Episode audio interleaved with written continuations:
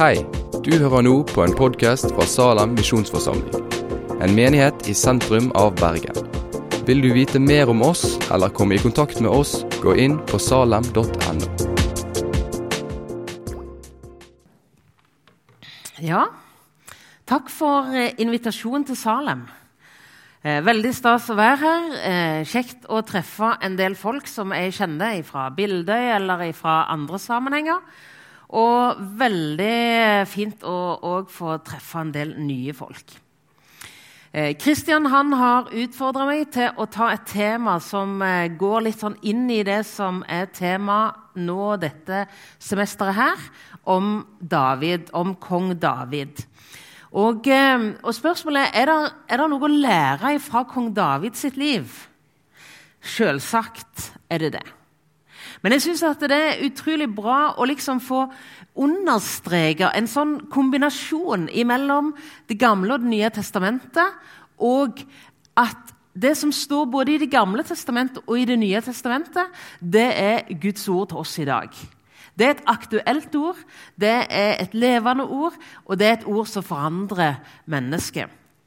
Jeg, det står i, ehm, i, i Romerbrevet kapittel 15 om at alt som før er skrevet, det er skrevet til lærdom for oss.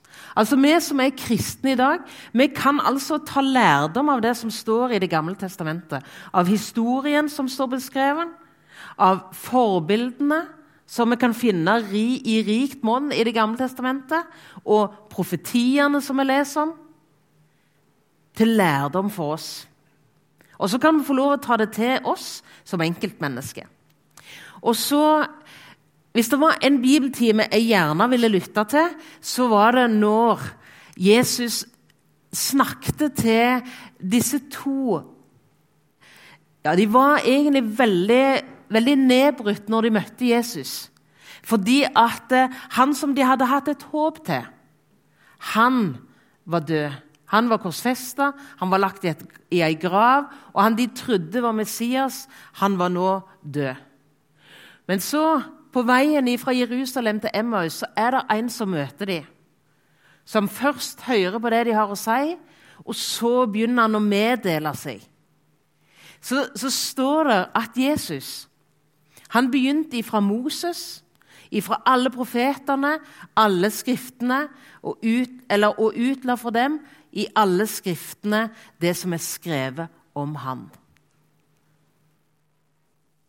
Og så sto det noe om en som skulle dø. Så sto det noe om en som skulle oppstå. Er det noe å lære av kong David sitt liv? Temaet i dag det er oppsøkende virksomhet. Det var lagd et veldig flott bilde som sto bak meg her, eh, om, eh, om, David og Batseba. Det er det som er liksom temaet i andre Samuels bok, kapittel 11 og 12. Men det som jeg har lyst til å være en tittel eller et tema for selve talen, det er dette oppsøkende virksomhet. Hyrdemotivet hyrdebildet, det var jo noe som var kjent i Davids sitt liv. Den dagen når David, tenåringsgutten, fikk et sånn et hastebesøk han, han, Det var en som kom hjemmefra og sa at du må skynde deg hjem fordi at faren, familien din, har, bes, har besøk av Samuel. Og nå spør de etter deg. Da var David ute og, gjette sauene. Og så kom han hjem, og så er det at profeten ser han inn i ansiktet. Og profeten han får beskjeden om det er han du skal salve til konge Samuel. Og så skjer det noe i Davids liv som forandrer hans framtid. Han ble oppsøkt der. Han kjente hyrdelivet som en oppsøkende virksomhet når han som hyrde av og til måtte gå etter sauene som gikk i utkanten av flokken, eller som hadde gått seg vekk.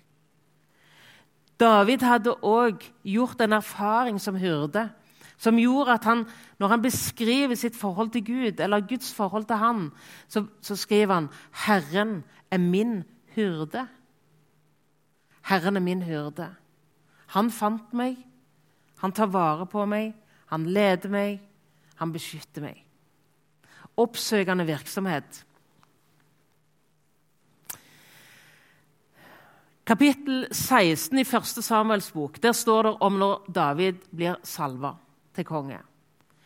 Det som vi skal gå inn, det er i 2. Samuels bok, kapittel 11. Og det har skjedd mye. David han opplevde mange vonde ting. Motstand, kampen imot Goliat, Saul som forfulgte han ville ta livet av han.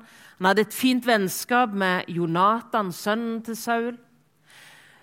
Mye kriger, mange netter i ørkenen på flukt. Når vi kommer inn i andre Samuels bok, så blir David konge i Israel.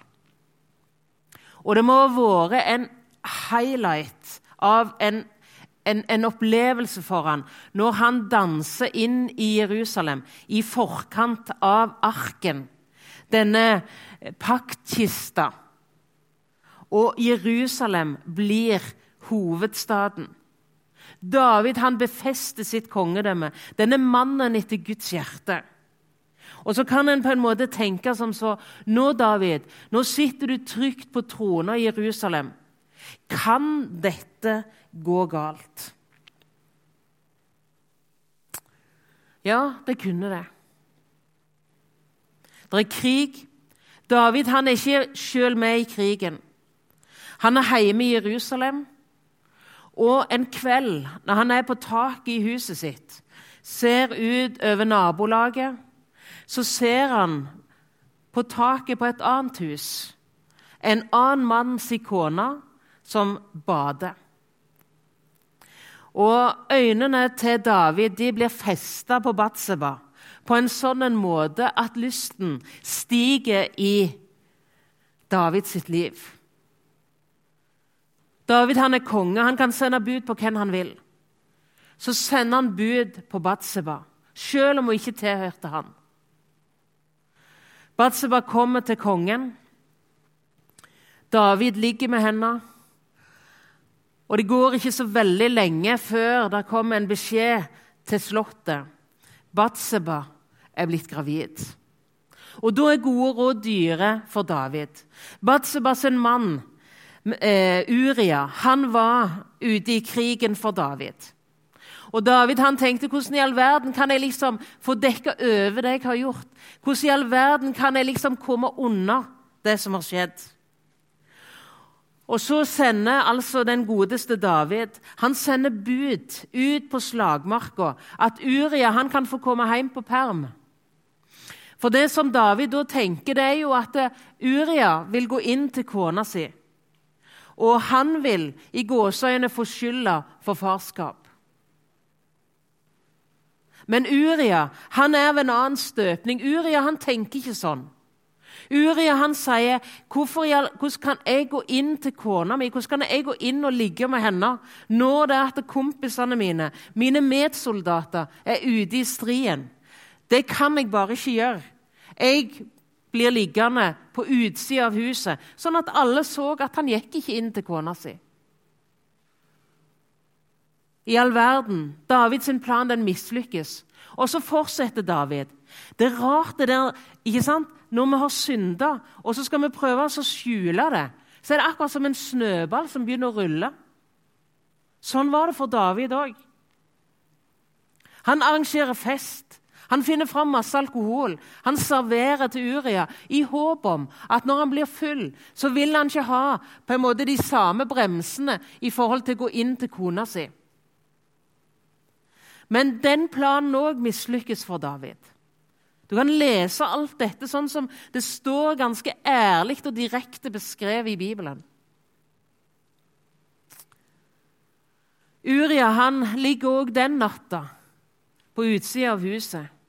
Og Når han reiser ut igjen i krigen, så vet alle at Uria han har ikke vært inne hos kona si og ligget hos henne.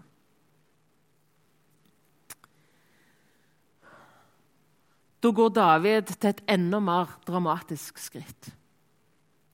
Det går et bud ut til slagmarka. Nå må dere plassere Uria på en sånn en plass i krigen at dere er sikre på at han kommer til å bli drept. Så vil han altså bruke krigen som et skalkeskjul til å skjule et brutalt planlagt mord. Hvem er det vi snakker om? Er det han som satt med harpa i fjellene og gjette sauene og klimpra og sang 'Herren er min hyrde'?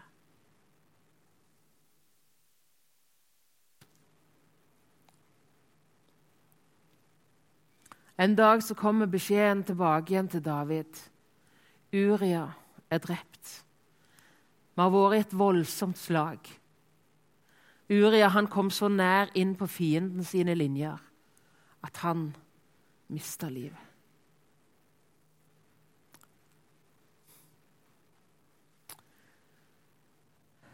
Hvordan kunne det gå så galt? Når synda får makt i et menneske sitt liv, da kan det meste skje. Og sånn sett så tenker jeg at det skal ikke overraske oss som syndere at vi synder. Synda er ikke et teoretisk problem i livet vårt, først og fremst. Men synda og fallet det er et helt konkret, en konkret utfordring som vi opplever med skikkelige syndere, som gjør skikkelige synder. Syndere synder. Og av og til så rammer vi andre så tungt.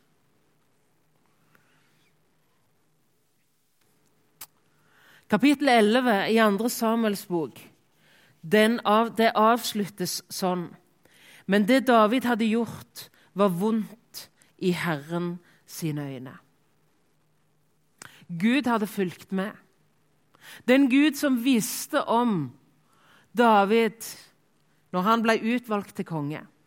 Den Gud som David hadde bedt til når han var i møte med Goliat. Den Gud som hadde beskytta David under forfølgelsen fra kong Saul. Han fulgte med. Han visste hva som skjedde. Det David hadde gjort, var vondt i Herren sine øyne. Tenk òg på, på, Peter ikke sant, i ypperstepresten sin gård. Det ble lunsjestemning. Han som ikke hadde tenkt at han skulle fornekte Jesus. Han oppførte seg på en helt annen måte i en ny setting. Det ble for vanskelig å bekjenne sitt kjennskap til Jesus. Kan du kjenne deg igjen i det? Du som har sagt til Jesus så mange ganger Hvis du bare tilgir meg denne gangen, Jesus, skal jeg aldri gjøre det mer. Nå har jeg hatt så vond samvittighet så lenge. Jesus, hvis du bare tilgir meg en gang til, skal jeg all... det, skal... det skjer aldri igjen.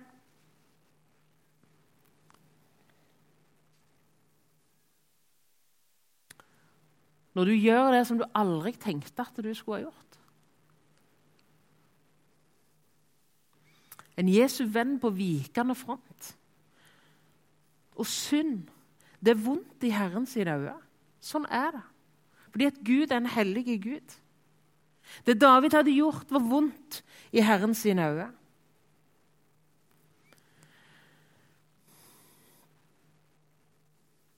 Hvordan opplevde David det? Hvordan hadde han det i denne tida her? Du kan gjerne lese både i Salme 32 og i Salme 51 om noe av det som skjer i denne perioden her. Og En av setningene i Salme 32 lyder sånn Dag og natt lå din hånd tungt på meg. Min livssaft svant som i sommerens hete. Har du hatt skikkelig dårlig samvittighet? Har du kjent noe som kunne ligne det som David beskriver her? Da har jeg lyst til å si én ting. Lykkelig er du. Så har et indre som rammes når du synder. Tenk så ofte det er sånn at vi baktaler, og vi kjenner det ingen plass. Tenk så ofte at det er sånn at vi bruker munnen vår, vi bruker hendene våre, vi bruker føttene våre. Vi fyller hjertet vårt med det som Bibelen sier er synd, og så kjenner vi det ingen plass. Og må Gud gi oss å få lov å være utsatt for Hans hellige ånd på en sånn måte at vi får det vondt når vi har gjort noe galt. David fikk det vondt når han hadde gjort noe galt. Der som det hadde vært hva skal jeg si, nærhet og fortrolighet, der som det hadde vært kontakt, der som det hadde vært trygghet, det ble erstatta med avstand, med den vonde tausheten. Og med frykt.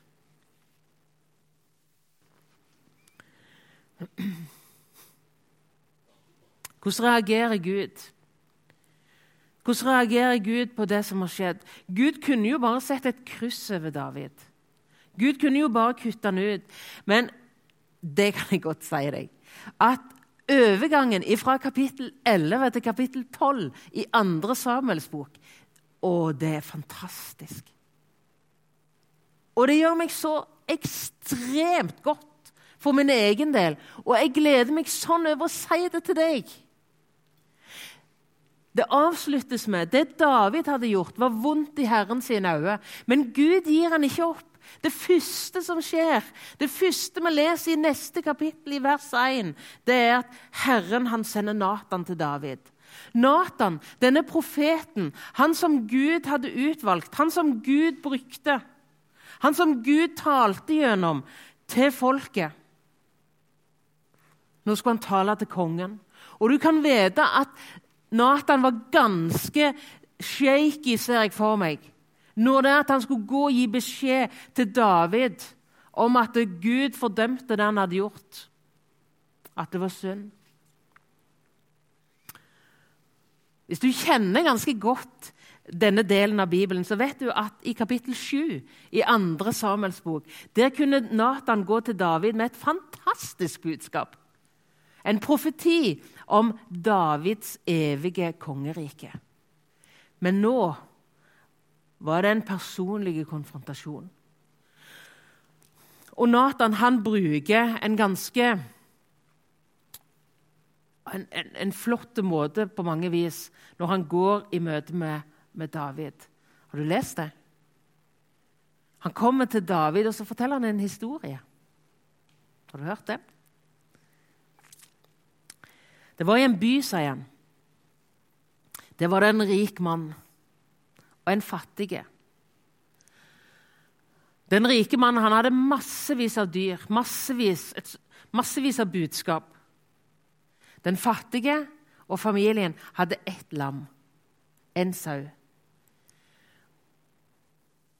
Og det var faktisk sånn at sauen eller lammet det bodde sammen med den fattige og familien. En dag, sier Nathan, så fikk den rike besøk. Og I stedet for å ta et av sine egne dyr og slakte og lage til mat til gjesten sin, så sender han folket sitt til den fattige. Så dundrer han på hans dør, så bryter han seg inn i hans hus. Og så tar han det ene lammet slakter det og lage det til til gjesten sin. Og En kan formelig se hvordan, hvordan Davids rettferdighetssans hvordan den flommer opp. Og så sier han 'Den som har gjort dette, han skal dø'. sier han. Og så snus det himmelske speilet inn imot kong Davids sitt liv. Og så lyder de kjente ordene. Du er mannen. Du er mannen.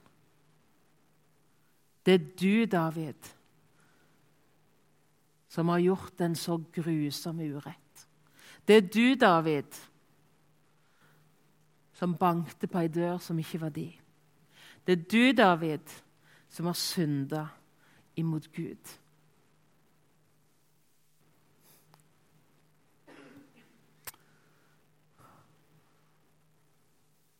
Av og til så snakker vi om å legge seg helt flat. Men det gjorde altså David. Jeg har synda. Jeg har synda.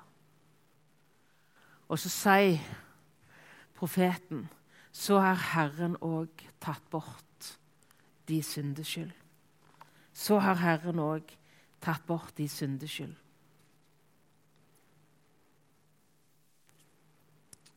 Du skal ikke dø.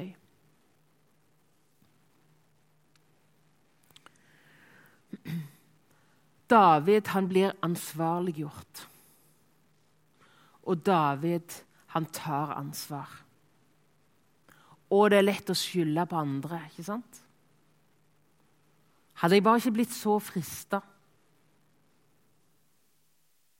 Hvis bare det ikke hadde vært akkurat sånn.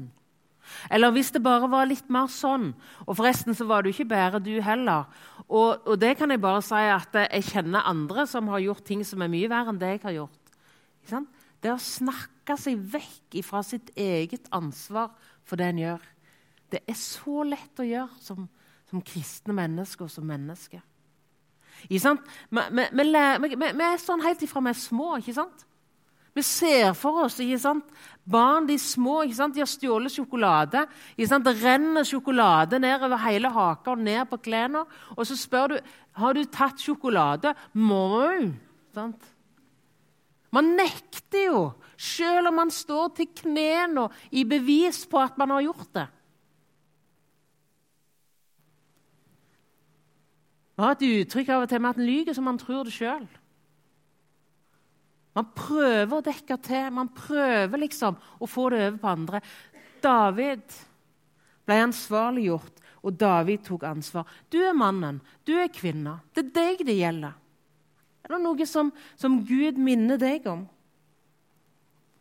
I 1. Johannes brev kapittel 1 og vers 7 så står det Dersom vi vandrer i lyset, liksom Han er i lyset, da har vi samfunn med hverandre, og Jesu, Hans Sønns blod, renser oss fra all synd. Lys og samfunn, det henger sammen i Guds rike. Eh, for snart fire år siden så gifta jeg meg med Ragnar. Det var en stor dag i mitt liv. Det er jo ganske fantastisk da, når det er at man har søkt og søkt i 50 år, og så bare plutselig så er det en som sier ja. Hæ? Det er jo bare under over under. Men det er nå så. Men nå har ikke vi vært gift så veldig lenge. Eller jeg har ikke vært gift så veldig lenge. Og så Men det er én ting jeg har lært meg forskjellen på. Jeg har lært meg forskjellen på den gode stillheten og den kjipe stillheten. Er dere med på hva jeg mener? Den gode stillheten. sant? Når vi har snakket ut, om det kan være om vanskelige ting eller om kjærlighetserklæringer, om livet Når det er at vi bare er nær hverandre og kjenner at det, det er godt å være nær. Det er godt å være sammen. Det er fortrolig. Det er fredelig. Det er forskjell på de øyeblikkene og de øyeblikkene når det er at en bare lurer på når kommer det og hva er det som kommer. Det er litt mer sånn stress. Det kan jeg bare si. Der, det der når du er litt mer sånn på vakt. En skjønner at det er noe galt. Av og til så vet jeg hva det er, og noen ganger så er det faktisk sånn at jeg vet ikke. For sånn er det jo òg å leve i sammen. At man kan såre den andre selv om man ikke vil det eller vet det. Men man erfarer konsekvensen av det. Fordi at tausheten blir liksom ikke den gode, nære, fortrolige stillheten. Det blir noe helt annet. Hvordan har du det med Gud? Er det den der gode, fortrolige stillheten? Eller er det liksom mer vanskelig å være i stillheten fordi at du vet det er noe dere skulle ha snakket om?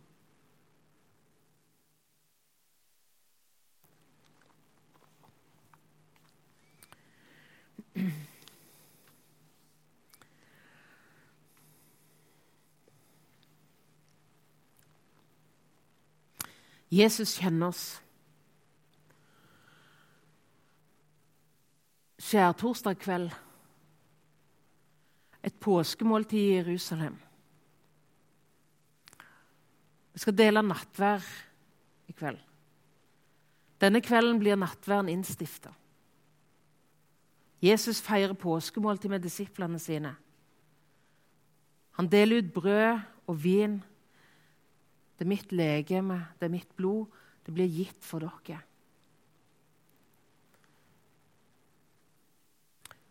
Når dette er over, så sier han til Peter i kveld før hanen galer, så skal du ha fornekta meg tre ganger. Aldri i livet, Jesus. Det skjer ikke. Jeg kommer ikke til å fornekte deg. Så gjentar Jesus det. Og Peter gjentar sin forsikring. Men så vet vi hva som skjedde. sant? Vi vet at Peter han svikta. Og Jeg syns at det kan være fint å legge merke til hva det Jesus ber om.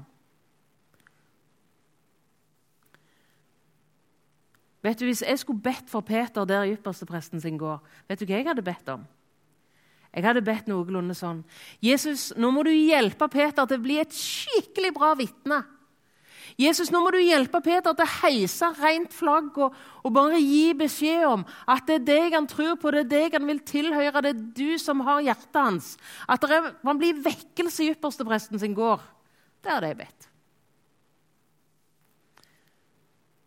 Hva Jesus ber? Jeg ba for deg at trua di ikke måtte svikte. Jesus kjenner oss. Jesus kjenner vårt materiale. Jesus vet om alt som har skjedd, helt fram til nå. Og Jesus kjenner vårt liv helt fram. Og det som er Jesu bønn for oss, det er at vi alltid skal ha bruk for Han. Det er at vi alltid skal gå til Han med syndene våre. At Han alltid kan få lov til å være hyrden og frelseren vår. Ja, vi skal få lov å be om seier. Men først og fremst den viktigste seieren, det er bønnen om nåde. Jesu, hans sønns blod, renser oss ifra all synd.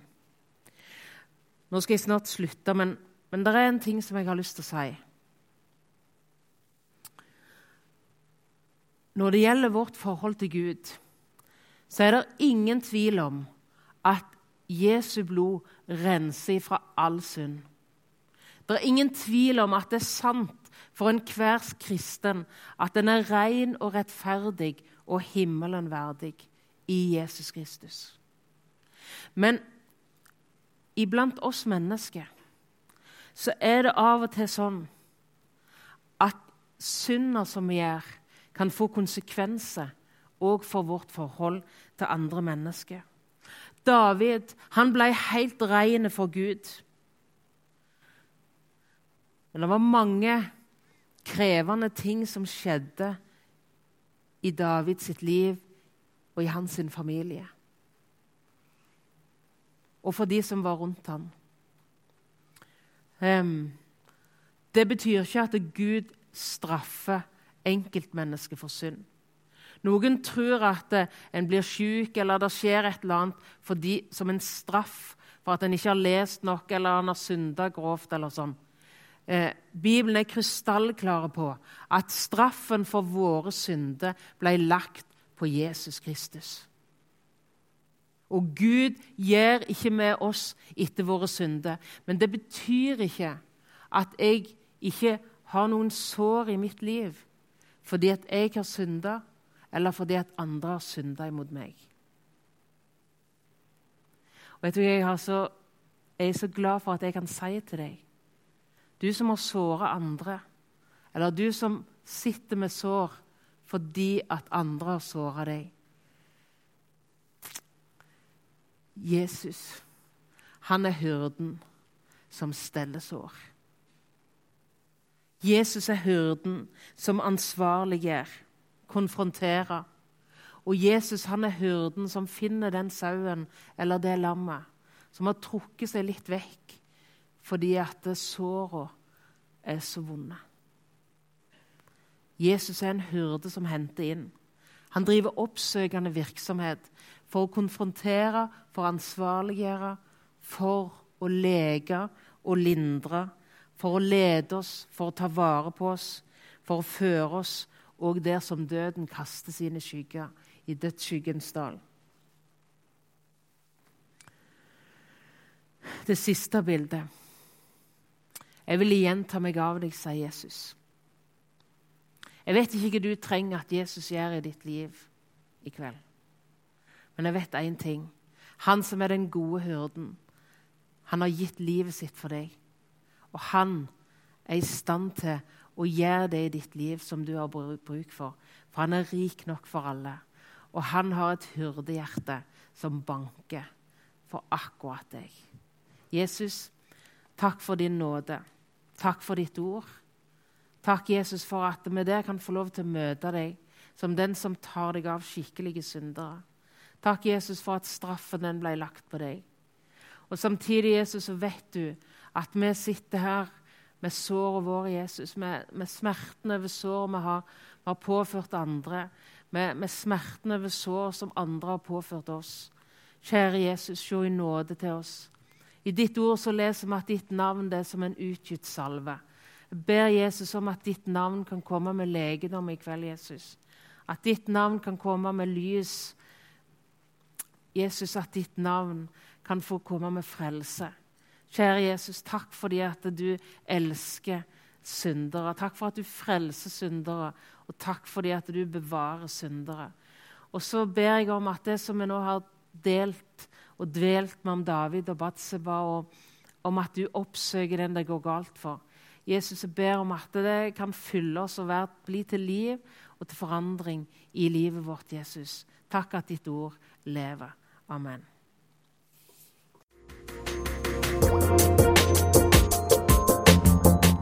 Takk for at du har hørt på podkasten fra Salem, Bergen. I Salem vil vi vokse i et stadig dypere fellesskap med Gud og med hverandre. Vi vil være Jesu hender og føtter, og vi vil være med og forkynne frelse for Bergen og resten av verden. Besøk oss gjerne på salem.no om du vil vite mer.